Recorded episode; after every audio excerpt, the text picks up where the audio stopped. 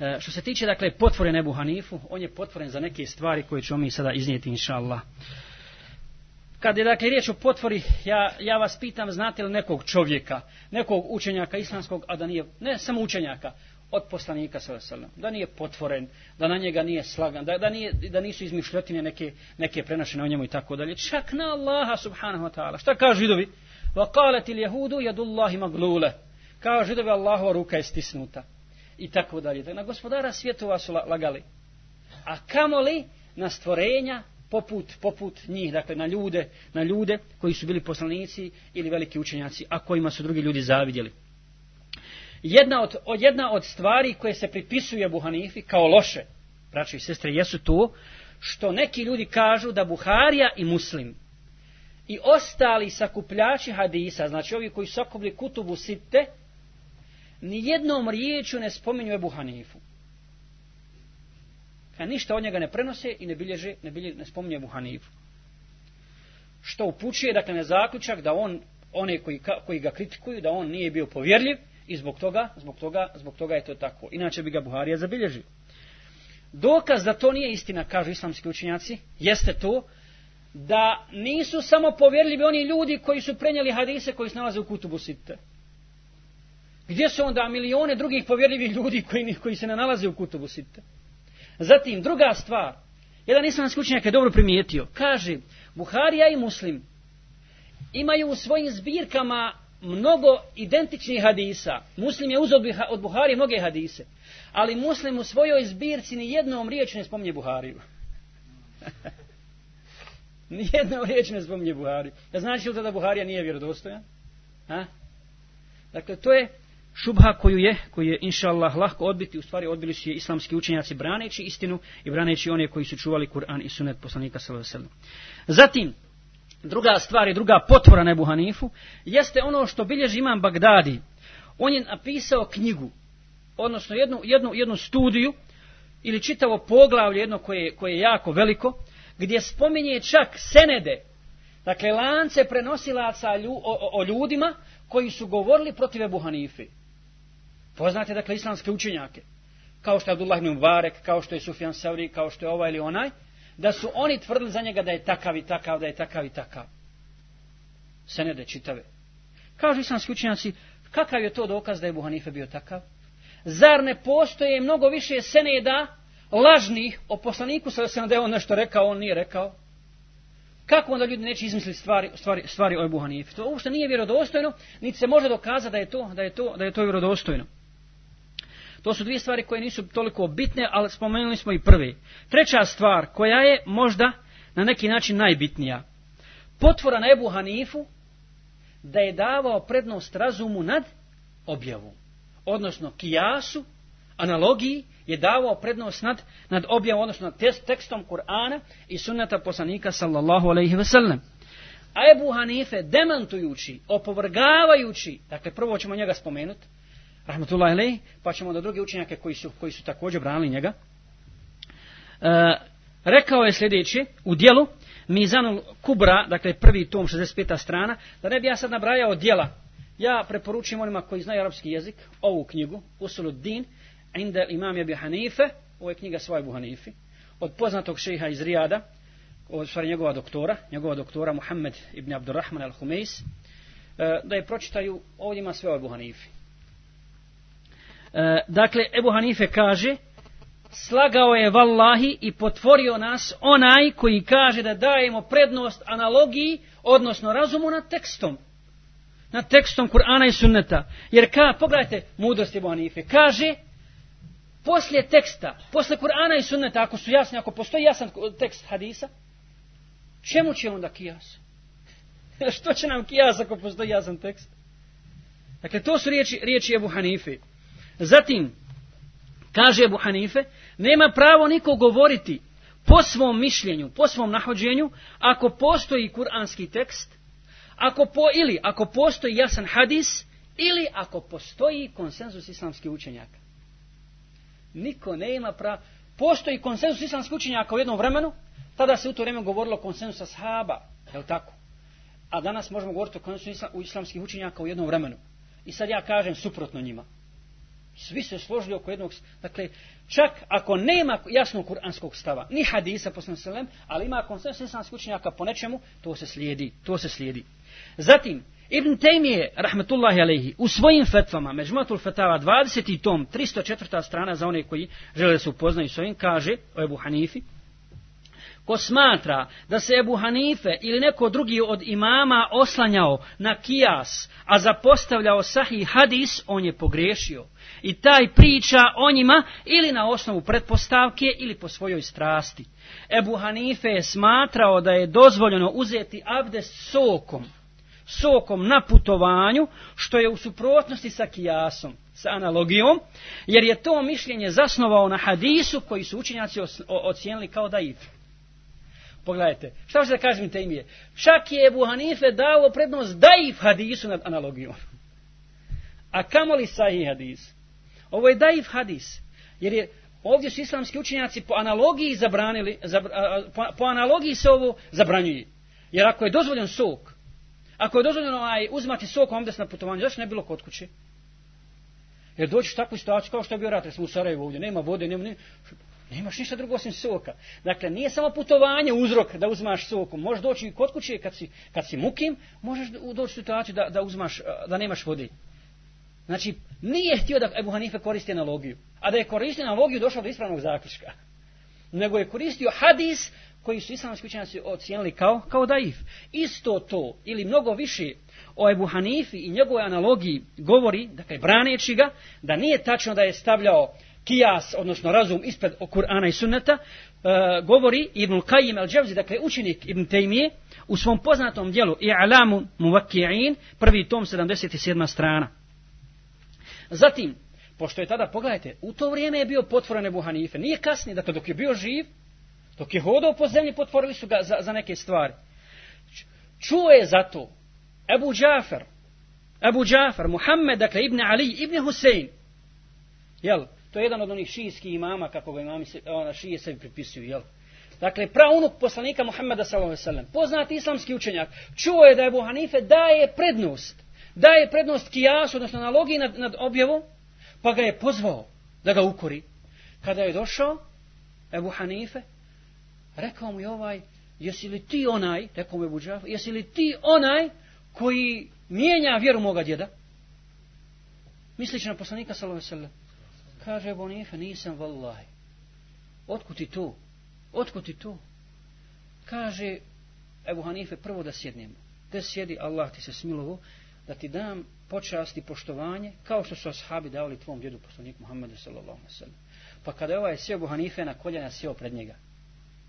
I kaže mu, o ših, dokaz, evo dokaz, sad ću ti postaviti tri pitanja, pa mi ti reci jesam li ja promijenio vjeru tvog odnosno poslanika Muhammeda s.a.s. Kaja pita, reci, postavio Hanifa pitanje, kaže, je li snažniji po svojoj konstrukciji muškarac ili žena? Kaže Abu Džafar, muškarac. E, koliko je Allah odredio miraza, dakle, nasljedstva muškarca, koliko ženi? Dakle, bratu i sestri. Kaže, muškom zapada dva put koliko ženi? Kaja, pa to je moja vjera. Da sam promijenio vjeru, s kojim je došao tvoj djed Muhammed sallallahu alejhi ve sellem, ja bih rekao obrnuto da sam slijedio analogiju. Zato što je muškarac jači i snažniji, ili ako bi išli po logici, trebalo bi da ženi da pripadne dva dijela muškarcu jedan. Ja. Druga, druga stvar, kaže, šta je, koji je ibadet bolji? Je li namaz ili post? Kaže, Ebu Džafar, namaz. Kaže, dobro, i ja se slažim.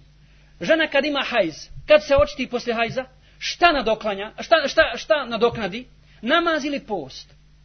Kao je post, kao ja se slažem s tim, ja sam na tome. Da je po analogiji, da dajem prednost analogiji, ja bi, ja bi rekao da treba da naklanja namaza, ne treba napostiti, jer je namaz bolji i vredniji bade. Kaže dalje, treće pitanje, šta je, nečiš, šta je e, više nečisto? Šta je prljavije? Mokrača ili sperma? Kaže, Ebu Džafer svakako mokraća. Šta poslije male nužde čovjek treba da uradi? Da se okupa ili da abdesti? Pa dovoljan je abdest. A poslije polucije sjemena? He, kupanje. Pa to je moja vjera. Ja sam na tome kaj. A da po analogiji zaključujem, onda bi bilo obrnuto.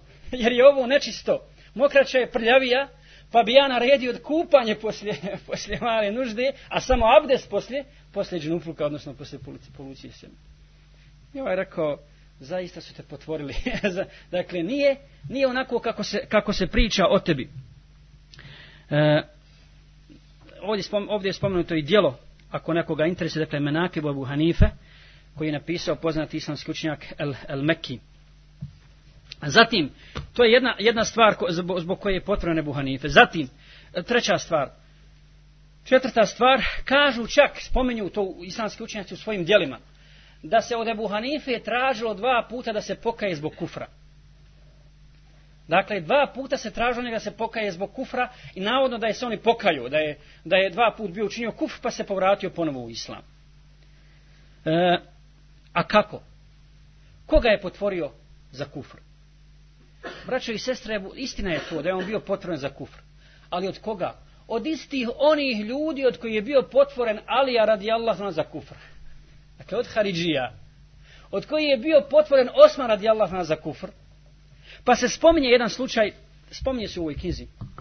Kaže, došli su Haridžije sa svojim šejhom kod Ebu Hanife i kaže mu njihov šejh, o Ebu Hanife, pokaj se Allahu, učini teubu zbog kufra. Kaže Abu Hanife, ja se kajem Allahu od svih vidova kufra. I oni su otišli. Nakon toga stigao jedan čovjek i kaže im, pa on se s vama izigrava. On je u stvari htio da kaže da se kaje Allahu i utiče se Allahu od vašeg kufra, na kojem ste vi, Haridžije. Pa su se vratili, ponovo njihov šejih kaže, je li istina, je li istina da se ti u stvari utječeš Allahu od našega kufra? Kaže mu Buhanife, dobro, je li si siguran da sam ja tako mislio? ili pretpostavljaš, ili samo sumnjaš. Kaže, sumnjam. Kaže mu Abu Hanife, a zar ne znaš da Allah Želešanohu kaže u Kur'anu, ja i juhar ladine amanu džtenibu kethire mine van, inne bada van ithm. O vjernici, klonite se mnogih sumnje, jer su mnoge sumnje grije. A ti smatraš da je svaki veliki grijeh kufr, ili tako? Ka pa jest. Pa kaj ti se pokaja Allah od kufra, ti si učinio kufr. kaže ovaj, kajim se Allah od kufra. Ali opet neće da odustane od, od svog kufra. Ostajala se kaje tog trenutka. Zbog toga što je počinio, počinio takav grije. Dakle, takvi su potvorili, potvorili Ebu Hanifu, Ebu Hanifu za, za kufra. Zatim, sljedeća mesela, koja je također vrlo interesantna, jeste da se Ebu Hanife razilazi sa ehli su tako kažu, razilazi se sa ehli sunatom al džamaatom u pogledu imana, odnosno definicije imana. Ehli sunat vel džemaa definiše iman kako, braćo i sestre? To je, šta? Al-qavlu bil lisan, wa tasdiku bil džanan, dakle, po, izgovor jezikom, vjerovanje, vjerovanje srcem, wa amelu bil erkan, odnosno, ra, č, dijela, dijela organa. Dakle, to je definicija imana kod ehli sunata vel džemaata. Ebu Hanifi se pripisuje, pripisuje i poznato je to, dakle, u Fikhu Lekberu čak on o tome govori, u svom dijelu, u svom dijelu, da on tvrdi da je iman izgovor jezikom i potvrda srcem. Dakle, sama potvrda ne koristi, niti sam jezik, niti samo izgovoran jezikom koristi. Ali, međutim, e, Abul Iz al Hanefi, ako ste čitali Tahavinu Akidu, jel, vidjeli ste kako on objašnjava ovaj stave Buhanife. On kaže u stvari da je to igra riječi, da je to samo, da, da Ebu Hanife nije tako mislio. Jer kaže, nemoguće, kao što kaže autor ove knjige, I mnogi islamski učenjaci kažu, nemoguće da čovjek koji je toliko ibadeti u Allahu Đelešanu kaže da djela ne ulazi u sastav imana. Da nis...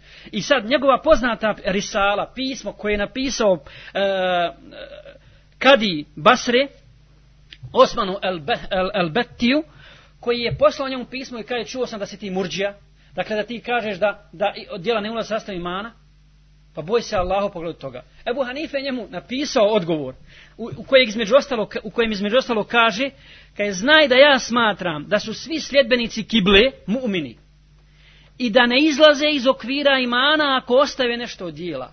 Pa se što kaže Ebu Hanife? Jel se to slaže sa Hrstom i I da ne izlaze iz okvira imana ako ostave nešto od dijela. A onaj ko zanegira imani dijela, on je kafir i vječno je u džehennemu vječno je u džehennemu. A onaj ko potvrdi iman, dakle, izgovori se hadet, ali ostavi nešto od dijela, on je u Allahovoj volji. Dakle, to je između njega i Allaha. Ako hoće, kazni će ga, a ako hoće, oprostit će mu. Jer se ovo poklapa sa Hesnutom na džematom. Mada u ovoj knjizi ima neki kontradiktorni stvari e, i sam autor navodi to i kaže, Ili je to neko pripisao Ebu Hanifi, ili je zaista zaista kontradiktornost u, u, u, njegovim, u njegovim samim riječima koji je on izrekao. Ali Helene je u svakom slučaju, dakle, to je otprilike ono što sam ja želeo da kažem o Ebu Hanifi. Ebu Hanifi e, kao jednom velikom islamskom učenjaku koji je, kojemu je svojstvena svakako greška. Poslije, kako je rekao ima Malik, od svačijeg se govora oduzima, oduzima, osim od govora a bio je tada u Medini pored kabura poslanik sallam, osim od vlasnika ovoga kabura, od ovoga koji leži u kaburu, to je poslanik sallam. Dakle, svako može pogriješiti, ali on kao mučtehid, kad potrefi ima dvije nagrade kod Allaha, kad pogriješi, ima jednu nagradu. Ima jednu nagradu. Znači, i držimo se, neka nam ovo bude pravilo, koje je rekao same Ebu Hanife također, nikome nije dozvoljeno donositi fetvu na osnovu onoga što smo mi rekli, ako ne zna odakle smo uzeli ako ne zna odakle smo uzeli. Dakle, ja sam na to htio da skrenem pažnju. Dakle, da ne dozvolimo sebi da bude slijepog sliđenja bilo koga, bilo koga, nego uvažavanje, poštivanje, poštivanje i slijeđenje Kur'ana i sunneta i imama ovoga ummeta u onome gdje su potrefili, gdje su potrefili, gdje su, gdje su njihova mišljenja u skladu sa Kur'anom i sa sunnetom. To je najvažnija stvar za nas. To je najvažnija stvar za nas. I da stavimo stvar na njihova mjesta, da u Lemi govorimo sve najbolje, o ulemi ehle sunata val džemaata da govorimo sve najbolje i inšala zbog toga ćemo biti nagrađeni, a sigurno ćemo biti kažnjeni kako velibni asakir još na Dunjaluku, ako o islamskim učenjacima ehle sunata val džemaata budemo govorili loše još na Dunjaluku prije ahireta.